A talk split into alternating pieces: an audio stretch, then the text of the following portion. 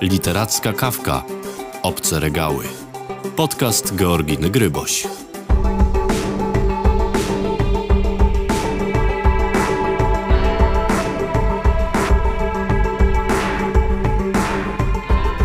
Partnerem podcastu jest Audioteka. Posłuchaj dobrze opowiedzianych historii.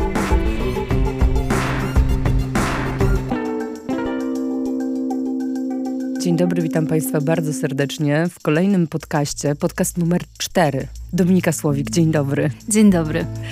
Dominiko, temat znasz. On jest taki ogólnie znany, mam wrażenie, że się nie wyświechta za szybko, ale będziemy gadać o literaturze, czyli o czymś, na czym się znasz najlepiej, czy wcale nie tak do końca? Ja strasznie nie lubię takich hiperbol, że się na czymś człowiek zna najlepiej, bo to chyba, jeśli ktoś jest w stanie coś takiego powiedzieć, to znaczy, że się wcale na tym nie zna. Bo im się więcej zgłębia jakiś temat i się wchodzi w coraz większe szczegóły, tym sobie człowiek uświadamia, że ma jeszcze bardzo dużo do przeczytania, e, jeśli chodzi o literaturę. Ale myślę, że na innych polach to też się sprawdza. Literatura to jest w ogóle taka studnia bez dna, bo mam wrażenie, że nawet kiedy się spotka 10 osób y, deklarujących czytanie w dużej liczbie, to może się okazać, że podadzą tytuły, które absolutnie się nie powielą i cała pozostała dziewiątka w ogóle nie miała kontaktu na przykład z danym pisarzem albo z daną książką. Nie wiem, czy też masz takie spostrzeżenia. Tak, ja y, myślę, że w ogóle w Polsce teraz funkcjonuje kilka obiegów literackich, które między sobą nie wymieniają się y, za bardzo nazwiskami, wiedzą ani wrażeniami. I uważam, że jest to szkodliwe, bo są to podziały, które dzielą i tak mały rynek i jednocześnie pozbawiają nas e, wymiany poglądów. Ja myślę, że takie trzy najbardziej oczywiste to jest taka sfera, która pewnie nam jest najbliższa, czyli sfera określenia, którego ja nie lubię, ale tak zwanej literatury pięknej. A pewnie chodziłoby o literaturę, która jest taką literaturą okołonagrodową, interesującą najbardziej krytyków też, e, niekoniecznie mającą najwięcej czytelników poza pojedynczymi nazwiskami, mówiąc łagodnie. A druga to jest literatura, którą na pewno można by samą w sobie podzielić na kilka pól, ale taka, która jest na szczycie wszelkich topek. E, kiedy... A możemy ją nazwać jako rozrywkową na przykład? Myślę, że nie. Myślę, że to nie jest dobra nazwa, bo tam się pojawiają różne rzeczy. I fascynuje mnie na przykład, kiedy co roku wychodzą te raporty e, w związku z, e, ze sprzedażą. Kto w danym roku e, sprzedał najwięcej książek, kto szacunkowo z pisarzy najwięcej zarobił. I tam na szczycie są nazwiska, o których ja naprawdę nie mam pojęcia. Mhm a te osoby mają ogromne rzesze czytelników. I ja zwykle sobie wtedy sprawdzam te książki, e, bo strasznie nie lubię takiego podejścia, które też często się pojawia w obrębie tej bliższej nam grupy czytelniczej, że to jest niewarte uwagi. Na przykład jestem strasznie cięta na wszystkie dowcipy o Remigiuszu Mrozie. Mhm. I e, sama przeczytałam chyba cztery albo pięć książek Remigiusza i zaczęłam je czytać, bo chciałam zobaczyć, co to jest, a potem mnie wciągnęły. Mhm. I to nie jest temat teraz na, na rozmowę o tym, ale uważam, że więcej powinniśmy pomiędzy tymi polami rozmawiać, a mniej się obśmiewać nawzajem. A żeby już skończyć to, to myślę, że trzecie pole, które ostatnio jest super aktywne, to jest e, young adults. Tak, to super, że zauważyłaś, bo to jest taki temat, który niby się pojawia w tych dyskusjach, ale wciąż jest traktowany może nie po macoszemu, ale jest literaturą gatunkową, coś, co kwalifikujemy jako literaturę gatunkową, to właśnie jest być może w tym worku numer dwa, o którym powiedziałaś, czyli niekoniecznie zajmujemy się tym, żeby opowiadać, bo są od tego dzieciaki, Instagram i TikTok, a jak wiadomo, my do nich nie, nie będziemy należeć, chociaż ty jesteś instagramowo aktywna i zdaje się, że ty dobrze się czujesz w social mediach, po prostu. E, ja uciekłam z Facebooka e, jakiś czas temu, mm, to znaczy uciekłam tak e, trochę ukradkiem, bo ja mam tam dalej profil i ostatnio nawet zaczęłam troszkę więcej publikować, ale przestałam być aktywna i przestałam też aktywnie przeglądać Facebooka, bo e, nie mogłam wytrzymać tego, że algorytm Facebooka jest zbudowany na generowaniu konfliktu. Tam największe zaangażowanie, największe zasięgi i w ogóle sam model tego, e, jak funkcjonuje dyskusja e, na Facebooku, premiuje kłótnie, konflikt i agresywną dyskusję. I no ja już w pewnym momencie miałam tego bardzo dosyć, mnie to męczyło, zwłaszcza jeśli się ma otwarte konto, mhm. E, a ja takie mam. Więc rzeczywiście przetransferowałam się na Instagram i tam sporo publikuję i bardzo mnie to cieszy. Mam poczucie, że to są naprawdę social media, no w tym sensie, że jeśli ktoś słucha, kto ogląda moje mojego Instagrama, to pozdrawiam. e... Pozdrawiam swoich słuchaczy, nie, nie słuchaczy, pozdrawiam swoich obserwujących, obserwatorki i obserwatorów. Takie pstryczki. Ale wiesz co, ale bo to w ogóle ja myślę, że też ten obserwator, obserwatorka to już nie jest dobra kategoria w przypadku budowania takich małych kont na Instagramie jak moje, bo ja mam bardzo często wymianę e, z osobami, które udzielają się na moim profilu. Dostaję od nich dużo wiadomości, bardzo dużo inspiracji, mnóstwo poleceń książkowych, świetnych. W ogóle przeczytałam bardzo dużo fajnych książek w związku z tymi poleceniami. Mnóstwo też komentarzy dotyczących jakichś innych dziedzin, o których ja mówię. Znaczy, głównie mówię o kotach też poza książkami. Nie oszukujmy się, że to jest jakaś bogata no, tematyka. to znamy, a przynajmniej większość. Więc ja czuję, że Instagram zapewnia w takiej formule, jaką ja mam, że to jest faktycznie małe konto tam około 2000 osób na nim, zapewnia fajną wymianę myśli i jednocześnie to jest wymiana taka, która e, chroni mnie przed byciem wystawioną na takie agresywne ataki, które są częste w social mediach, bo jeżeli dostaję wiadomość, to raczej dostaję ją w formie prywatnej, więc nikt poza mną jej nie widzi i ja mogę zdecydować, czy chcę na nią odpowiedzieć, czy nie. Czy nie.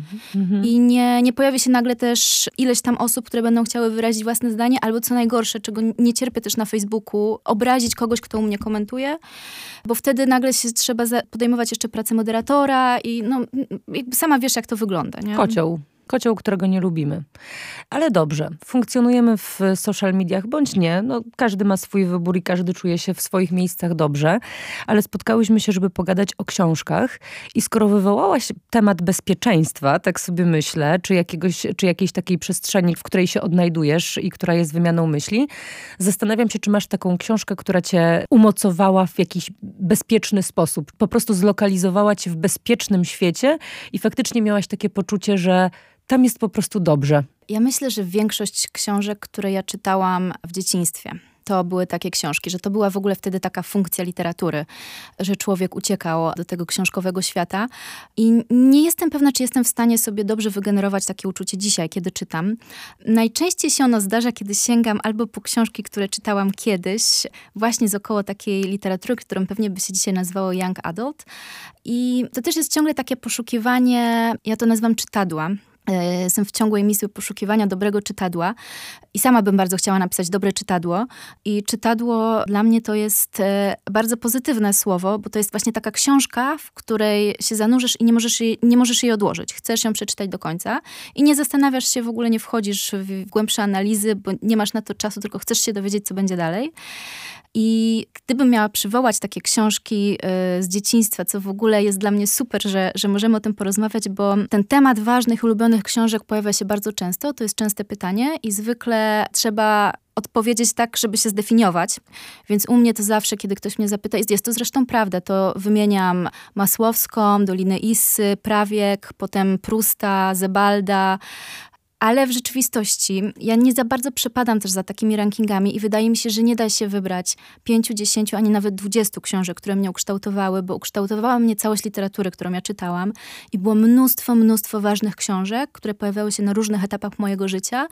I myślę, że te książki z dzieciństwa ukształtowały mnie w bardzo ważny sposób. I teraz y, śmiałam się, jak tutaj przyszłam, że, że przyszłam po raz pierwszy na nagranie jakiegoś podcastu przygotowana, bo tak mnie strasznie rozemocjonował ten temat, y, że w ogóle myślałam o tym przez kilka dni, przypominałam sobie różne tytuły i na przykład sprawdziłam nazwiska autorek to były głównie autorki książek, których nazwisk nie znałam, bo mhm. to były takie czasy, że człowieka to zupełnie nie interesowało, jak miał 7 czy 8 Kręcałeś lat. się w fabułę albo w jakąś tak, historię, to, to był napisał. koniec. I wiesz, jak zaczęłam też sobie sprawdzać streszczenia tych książek, których już dzisiaj oczywiście nie, pamiętam za takim ogólnym wrażeniem, to sobie uświadomiłam, że strasznie, że tam jest strasznie dużo tematów, którymi ja się obecnie zajmuję.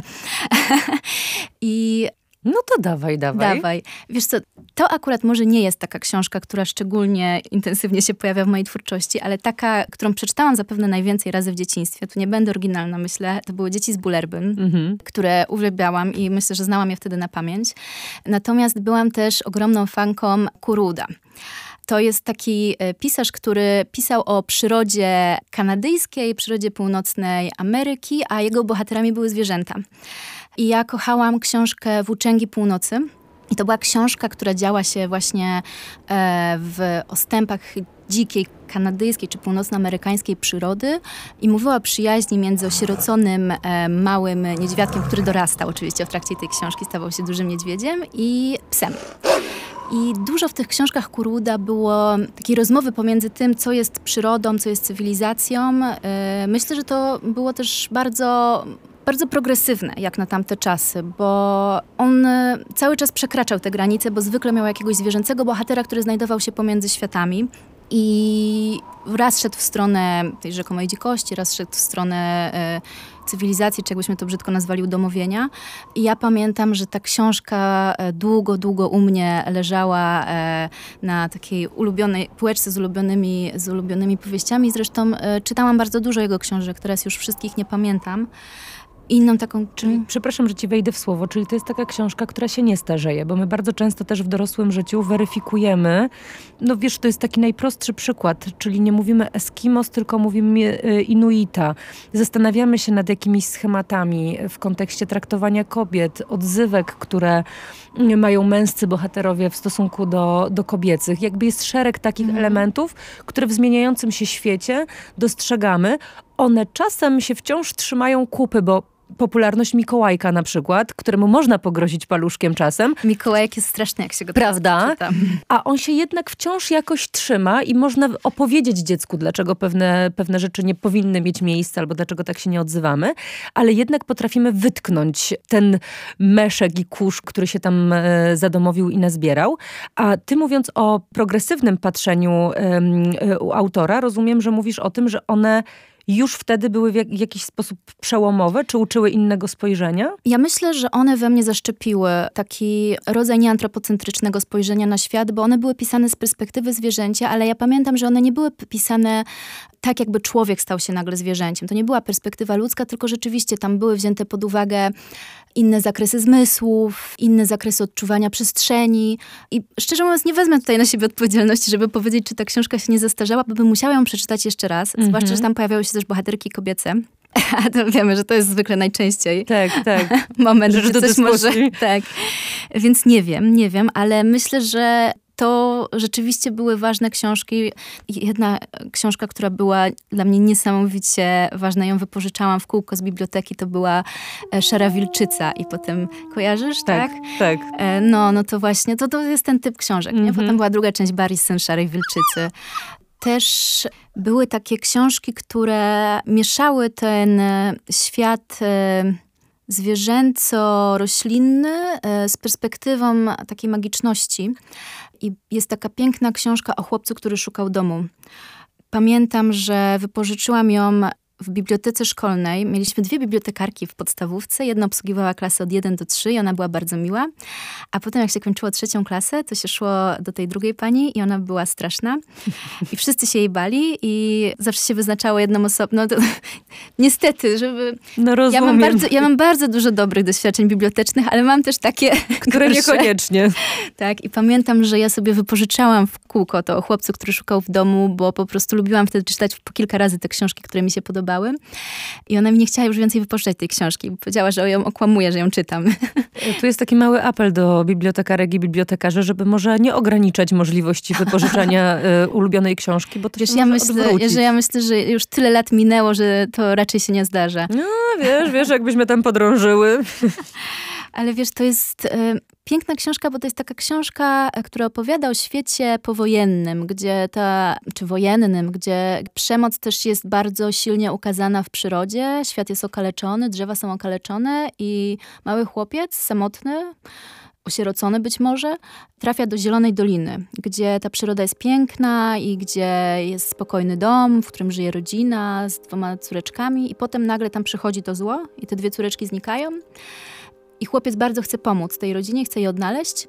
I wróżka zamienia go w bardzo małego chłopca e, wielkości wiewiórki i on wyrusza w podróż przez las.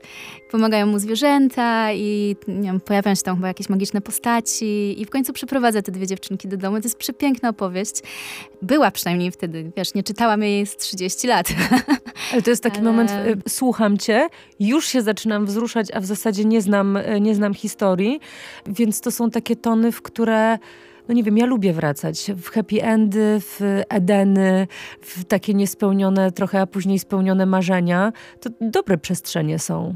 Tak, chociaż ja myślę o tych książkach głównie jako takim trochę programowaniu, czy może pokazywaniu tego, jak można oglądać świat, który był przeze mnie pewnie przyjmowany nieświadomie, ale też czasami trochę świadomie, bo pamiętam, miałam taki moment czytelniczy, kiedy byłam małą dziewczynką. Miałam, no ile mogłam mieć, z 8 lat i była taka książka, perelowska książka dla dzieci, Piotruś Pierwszak. Miała takie czerwone okładki i dała mi to chyba babcia jakichś zasobów książek po mojej mamie i wujku. I to była taka typowa opowieść, którą ja zresztą bardzo lubiłam, o chłopcu, który idzie do perelowskiej pierwszej klasy i rodzice pracują, więc w tym czasie opiekuje się nim babcia i ma tam jakieś takie przygody bardzo pierwszoklasowe. Mm -hmm, przygody pierwszoklasisty, poznaje przyjaciół. I pamiętam, że tam był taki moment w tej książce, że ten chłopiec patrzy na balkon i zaczyna padać śnieg i na balkonie pojawia się taka warstewka coraz grubsza i coraz grubsza bieli i on mówi, że jak to dziwnie wygląda, jakby był teraz świat podwójny. E, nie, nie, oczywiście nie pamiętam tego, przy, przywołuję to z pamięci, ale przypominam sobie taki mój w głowie taki przeskok, który był myślę przeskokiem świadomości literackiej, że to tak można patrzeć i ja tak nigdy nie robię. Muszę tak zacząć patrzeć i e, wiesz, to są w ogóle momenty, wydaje mi się, trochę zbiegów literatury i czasu. Że to nie jest mhm. tak, że, że dany punkt w literaturze, że koniecznie to w tobie wyzwoli, ale jeśli przeczytasz coś w odpowiednim momencie, to tak. Tak, kiedy cię słucham i patrzę, czasem żałuję, że państwo nie widzicie reakcji, bo w oczach czasem rozgrywają się takie błyski, które są bezcenne, mam wrażenie, w tego typu rozmowach ale myślę sobie, że w ogóle rzeczy, nawet jeśli są takimi powidokami tylko ym, z przeszłości, ale one wciąż w nas pracują, czy wzbudzają w ogóle jakieś emocje po latach, nawet nieprzypominane, to jest chyba najlepszy argument tego, że one jednak coś znaczyły. Bo przecież o szeregu rzeczy się jednak zapomniało. Tak, i tym bardziej jestem Ci wdzięczna za ten podcast, bo mam wrażenie, że ja sobie sama to uporządkowałam, jak się do niego przygotowywałam, ale też wydaje mi się, że on przywraca większą równowagę temu polu literackiemu, że ja mogę wreszcie opowiedzieć o tej perelowskiej książce, która no, jakby umówmy się, nie jest żadnym, żadnym ważnym kanonem, ale była wtedy dla mnie ważna i myślę, że że to w ogóle jest takie doświadczenie lektury, o którym powinniśmy pamiętać. E, także kiedy mówimy o tych dwóch polach literackich, tak? Mhm. Że, że tworzą nas naprawdę bardzo różne głosy i to nie zawsze będą głosy noblistów. I to jest e, ale też nie muszą okay, być. ale to jest wręcz wskazane. Jesteśmy sumą przeróżnych doświadczeń. To jest tak, jakby człowiek powiedział, że nie może nigdy przeżyć niczego złego, bo złe doświadczenie będzie w nim wyzwalało jakąś tam inną emocję, czy nauczy się innej reakcji, a na przykład ona jest niepożądana. No przecież to jest nierealne nie, no w ogóle. Ja w ogóle kocham literaturę właśnie za tą jej wielogłosowość, za wielość rejestrów, która się w niej pojawia, za to, że tak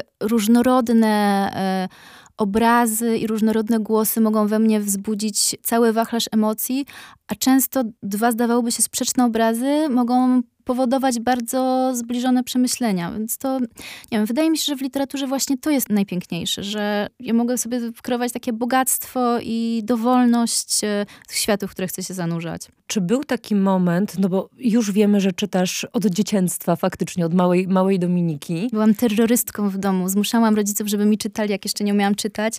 I tata zasypiał, jak mi czytał. I pamiętam, że ja strasznie się chciałam nauczyć czytać, bo już miałam dość tego proszenia ich o to. Tego ojca, który ci zasypia w połowie po prostu tak, jakiejś tak. niezwykłej historii. No, no, słuchaj, no, rodzice są rodzicami, nie można od nich wymagać zbyt nie, nie, dużo. Nie, wiesz, to jakby zaszczepili mi też miłość do literatury. Mam głupie anegdoty z dzieciństwa, ale ja myślę, że, że jak dzisiaj ich nie opowiem, to już ich nie opowiem. No to proszę. Pierwsza anegdota jest taka, że kiedy miałam około trzech lat, to rodzice bardzo chcieli, żebym przestała już używać nocnika, ponieważ z wielu względów było to niewygodne w naszym małym mieszkaniu. No ja nie chciałam się na to zgodzić. Negocjacje e, nie przyniosły pozytywnego efektu i zbliżały się Mikołajki. E, no i w Mikołajki Mikołaj przyniósł mi taką ogromną paczkę bajek. Ja oszalałam, jak je zobaczyłam. Po prostu taka wielka paczka, chyba 12 książek w twardej oprawce z bajkami. To szaleństwo. No, jeszcze na tamte czasy no właśnie, piękne, bo kolorowe. To... Mm. Tak. I zostawił list, że droga Dominisiu, tutaj zostawiam ci książki, ale w zamian za to zabieram nocnik, ponieważ potrzebny jest innym dzieciom. Święty Mikołaj. No i to Sprytni ci rodzice. Tak, to były takie bardzo biologiczne początki mojej kolekcji. Ale popatrz, jak ta literatura cię naznaczyła, nawet fizjologicznie. Dokładnie. Po prostu to się nazywa wpływ literatury na człowieka. Dokładnie tak było. Dominiko, skoro już tak y, brniemy brniemy przez... Pewno przez... mi się jeszcze jakaś głupia anegdota przypomina. Słuchaj, ale to e, świetne przerywniki są. Ja myślę, że to jest świetne na PS. Nie wiem, czy, czy Tomasz się zgodzi ze mną. Żart pokazuje, że tak.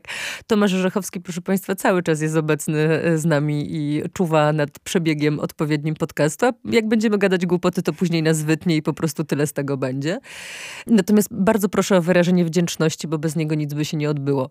Natomiast wracając do literatury, bo mówimy o dzieciństwie i mam wrażenie, że to jest któraś rozmowa, którą odbywam i mam wrażenie, że my niby wiemy, jak bardzo dzieciństwo i te wybory e, dziecięce, czytelnicze nas kształtowały, a jak kiedy zaczyna się rozmawiać, to dopiero sobie uświadamiam, jak bardzo, jak dużo czasu poświęcamy na ten rozpęd w dzieciństwie, a w zasadzie, jak później tworzy się przebieżka przez ten czas już takiego trochę świadomego czytelnictwa, mam wrażenie. Czy ty masz taki moment albo taką lekturę, o której mogłabyś powiedzieć, że ona była takim świadomym, dojrzałym czytelniczym zachwytem? Mm, zanim odpowiem ci na to pytanie, to ja ci chciałam też powiedzieć... To anegdotka. Nawet nie anegdotka, tylko moja reakcja na to, kiedy mnie tu zaprosiłaś i mi właśnie powiedziałaś, że masz taki projekt podcastu. Ja sobie myślałam, kurczę, ja to bym mogła takie za cztery odcinki nagrać. Mhm. Jeden na dzieciństwo, jeden na czas nastoletni, potem lata dwudzieste. Szalone lata dwudzieste. I to, co teraz czytam. Mhm. Pierwszy, wiesz co, nie, nie do końca rozumiem, co chcesz powiedzieć przez świadomy wybór y, czytelniczy. Bardziej świadomy zachwyt. Myślę, że miałam około 13 lat i to było doświadczenie negatywne. O, no super, wreszcie. I pamiętam, że mieliśmy lekturę krzyżaków. Ja byłam tak zażenowana tym, jaka ta książka jest głupia, że pamiętam, chodziłam i płakałam ze śmiechu, jak ją czytałam. I byłam bardzo krytyczna. jak ja się cieszę, że ktoś inny to mówi. Mów, proszę, proszę. proszę. I to wiesz, to nawet nie było takie, że nie cierpię tej książki, czyli tylko po prostu uznałam, że jest beznadziejna. I miałam bardzo dużo argumentów na to. Więc myślę, że to był taki, wiesz, przebudzenie y, złośliwej czytelniczki we mnie. No dobrze, czyli mamy, mamy dzieciństwo, mamy poczwarkę trzynastoletnią. O, poczwarka była też taka książka. No ale Wspomniałaś jest... mi o Terakowskiej, o której w ogóle ale zapomniałam. Ale widzisz, Terakowska. Terakowską mi moja mama podsunęła, więc to też były takie, takie I lustro pana Grymsa. Widzisz, i to jest, to jest niesamowite, bo ja sobie, wiesz, przygotowywałam te różne książki i na przykład w ogóle zapomniałam o Terakowskiej, a lustro pana Grymsa, które jest opowieścią o takim dziewczęcym dojrzewaniu, kobiecości i kolor czerwony, o którym ja, kiedy ja czytałam za pierwszym razem, nie miałam pojęcia, co on symbolizuje. Mm -hmm. A teraz już wszyscy, już wiemy. jak doros, dorosłam, to wiem, ale to było też tak ważna dla mnie książka. Ja mam wrażenie, że tak trochę szufladek byśmy jeszcze pootwierały. Nie, no ja mówię ci, ja tak mogę, jak już zrobisz obieg po wszystkich ja, to słuchaj, ja przyjdę jeszcze raz. Ja, dobrze, dobrze, to ja cię trzymam ze słowo, to zrobimy taką klamrę. Wiesz, żałuję, że nie zaczęłyśmy, słuchaj, bo to by było dopiero zamknięcie. Ale powiedz Dominiko, bo y, mówiłaś, że się przygotowałaś i że masz listę. Powiedz mi, czy ta lista jest w ogóle y, bardzo, bardzo obszerna? Wiesz co, ja przyniosłam dwie rzeczy. Przyniosłam taką karteczkę pokreślaną i to jest, tak wyglądają zwykle moje notatki, ale mam też zeszyt, w którym zapisuję swoje książki przeczytane i zapisuję je dopiero od 2020 roku. A robię to dlatego, bo mam kiepską pamięć. Mm -hmm. I e, jak ktoś mnie potem zapyta o to, co ja czytam, to jest myślę, Jezu, co ja teraz czytam? I nie umiem mm. nigdy odpowiedzieć, więc sobie na wszelki wypadek przyniosłam. Ale możesz opowiedzieć, o czym czytasz? O czym czytam. Nawet jeśli nie pamiętasz, to no posłuchaj, tu jest ta historia. nie, ale wiesz, bo ja czytam dużo też książek w ciągu roku i po kilka naraz i mi się zdarzy, że ja zapomnę, co ja w danym momencie czytam, jak jestem w stresie. Ja w ogóle ci się nie dziwię, więc... Pamiętam taki jeden z moich pierwszych wywiadów, kiedy zaczynałam. Wyszedł Atlas, Atlas Doppelganger, moja debiutancka książka i miałam wywiad z dziennikarką i ona właśnie mnie zapytała, e, co ja teraz czytam, a ja zestresowana i tak dalej, chciałam w miarę obszernie odpowiedzieć na to pytanie, mówię, to ja sobie teraz wyjmę Kindle i popatrzę, co ja tam ostatnio wczytanych. I ona to wpisała w ten wywiad, że teraz wyjmuje Kindle i ja uznałam, że to jest spoko. Mhm. I potem wszystkie komentarze były o tym, że... Że co, że musiała sprawdzić, że, Tak, że tak? nawet nie wie, co czyta.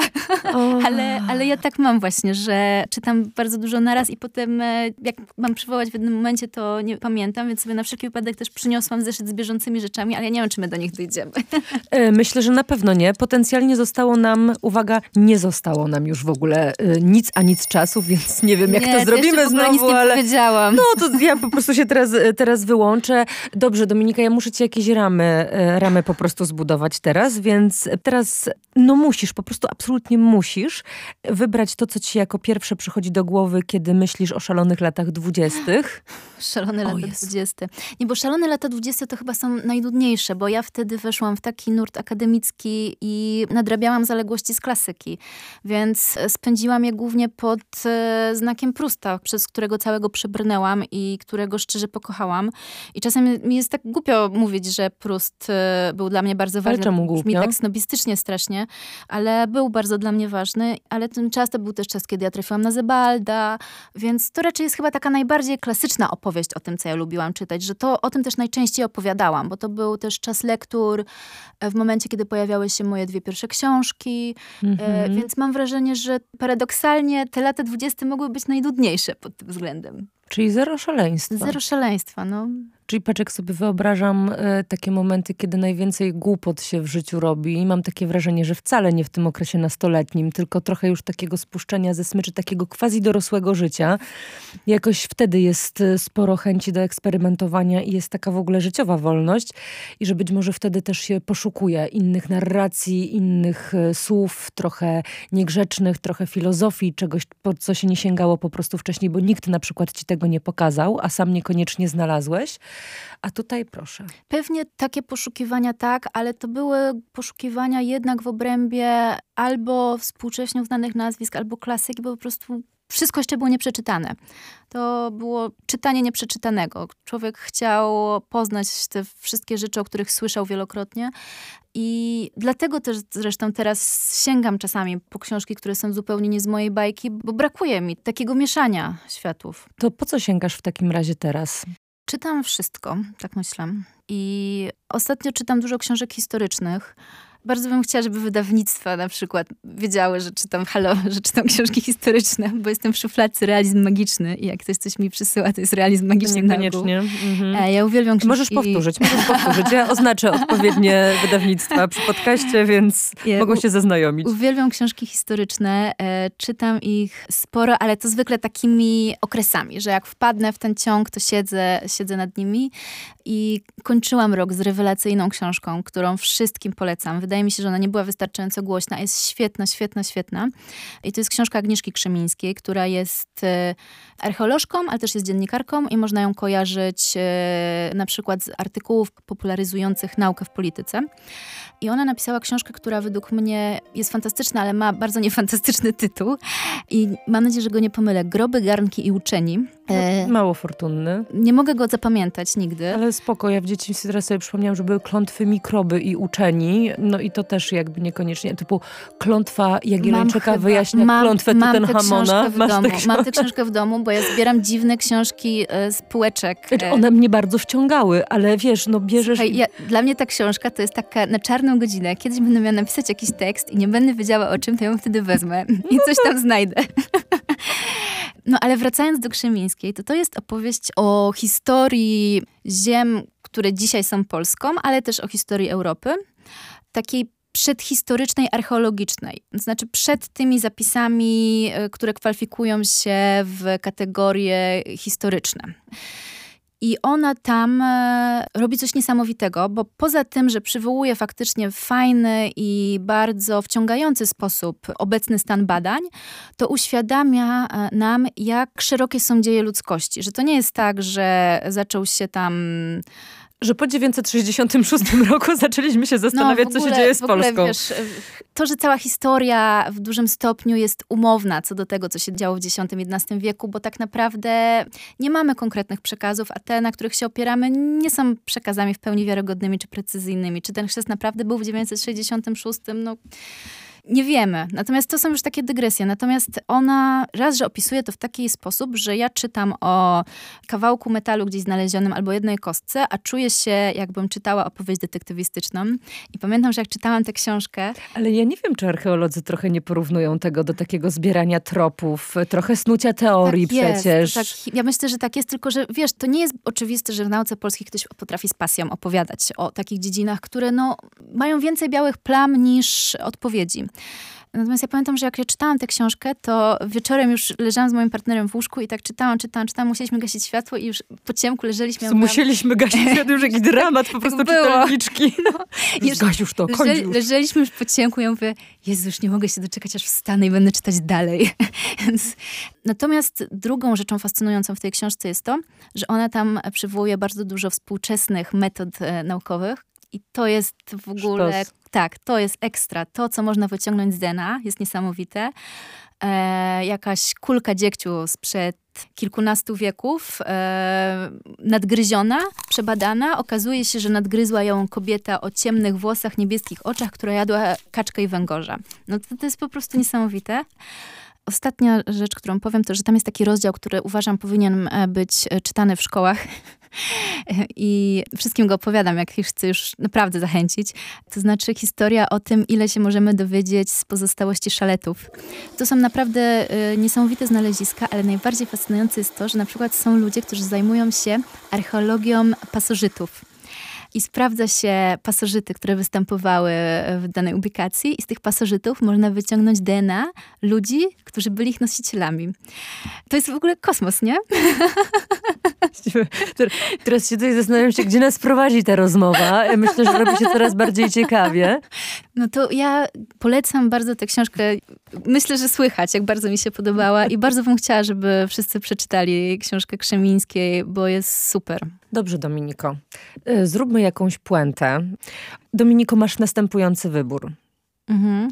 Wybór numer jeden to jest przeczytasz listę swoich książek, które przygotowałaś, a później będziesz mnie bardzo długo nienawidzić, że nie pozwoliłam ci o nich opowiedzieć. Opcja numer dwa jest taka, że opowiesz mi jeszcze o jakiejś książce i wtedy troszkę mniej będziesz mnie nienawidzić, a ja się będę zastanawiać, co zrobić, żebyśmy kontynuowały tę rozmowę, bo sama jestem ciekawa, co ty tam jeszcze masz. To y, ja ci opowiem o jeszcze jednej książce. Ale której... spojrzenia państwo nie chcieli wytrzymywać, które ja przed chwilą wytrzymałam. o której, o której y, pewnie nigdy nie będę miała okazji e, opowiedzieć, nie opowiem o niej teraz. To jest książka, którą przeczytałam, kiedy miałam chyba 12 albo 13 lat i to była jedna z pierwszych dorosłych książek, które przeczytałam. Może mniej, mniej musiałam mieć, może 10, 11. Moja mama dostała ją na imieniny, jej nie czytała i zostawiła ją, zostawiłam w toalecie, a mnie w domu się czytała. Tak kontynuując Znowu w tym wątku. Nie wyjdziemy z toalety. I to była książka, której imię wymazano. I sprawdziłam autorkę, bo nie pamiętałam autorki. Autorka się nazywała Donna Woolfolk Cross. I to była książka o papieżycy Joannie. Pamiętam tylko, że kochałam tę książkę. Ty kochałam ją. I ja przeczytałam teraz tę fabułę, streszczenie. I to jest, słuchaj, taka fabuła, że dziewiątym chyba wieku dziewczynka bardzo chce się uczyć, sama się nauczyła czytać i ojciec z tego powodu jest na nią wściekły. I potem różnymi jakimiś takimi ścieżkami staje się tak, że ona towarzysząc swojemu bratu uczy się w szkole przyklasztornej ukradkiem i potem, kiedy ten brat ginie, to ona się za niego przebiera i udaje chłopca. I tam są, pamiętam, sceny bindingu, czyli wiązania sobie piersi, ona potem dostaje menstruacji i to jest problem, bo musi to ukrywać, ale jakby przybiera męską tożsamość, żeby zdobywać edukację, a to jednocześnie jest romansidło. Bo tam jest wielkie love story.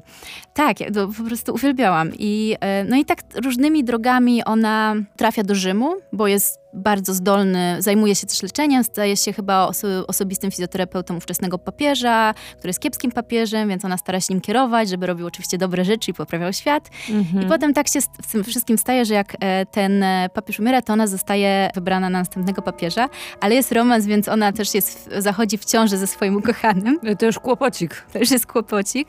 I słuchaj, w jakiejś finałowej scenie ona dokonane jest... A może nie mów. Tak? Że ludzie mogą sięgnąć. Sięgną, myślisz? No słuchaj, ja nie wiem, jaką siłę ma ten podcast. Wiesz co, ale, ale liczyłabym na to, żeby właśnie bo ja, sięgali. Ja, ja, ja, ja, nie wiem, czy ta książka jakby, ona zdaje egzamin po latach, ale pamiętam, że była dla mnie bardzo ważna i sobie myślę, że to była taka feministyczna szkoła, przeczytać mm. wtedy taką książkę i pamiętam, że to też spowodowało, że potem już zawsze miałam bardzo złe ceny z religii. A, no i wyszło szydło z worka. Ale jeszcze e, chciałam powiedzieć tutaj, e, wiem, że są fani fantastyki, że fantastyka też dla mnie była super ważna i to jest w ogóle cały wielki obszar, o którym bym też mogła nagrać oddzielną godzinę. Dobrze, kończymy. Proszę Państwa, moją gościnią była Dominika Słowik, z czego ogromnie się cieszę. E, państwu bardzo dziękuję, że Państwo to wytrzymali. Jeszcze nie wiem, czy ja to wytrzymam. Dominiko, bardzo Ci dziękuję za dzisiejsze spotkanie. Dziękuję. Georgina Gryboś, Literacka Kawka Obce Regały i do usłyszenia.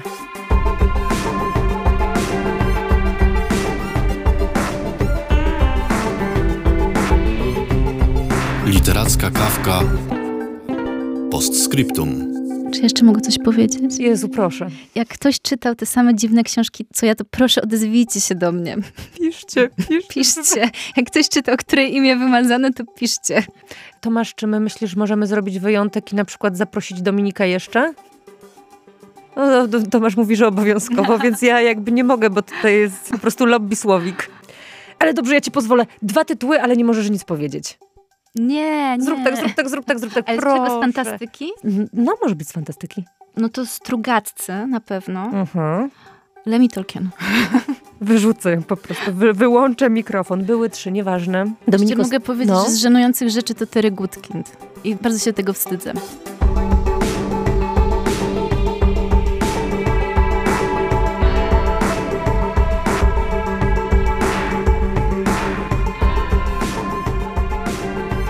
Literacka kawka.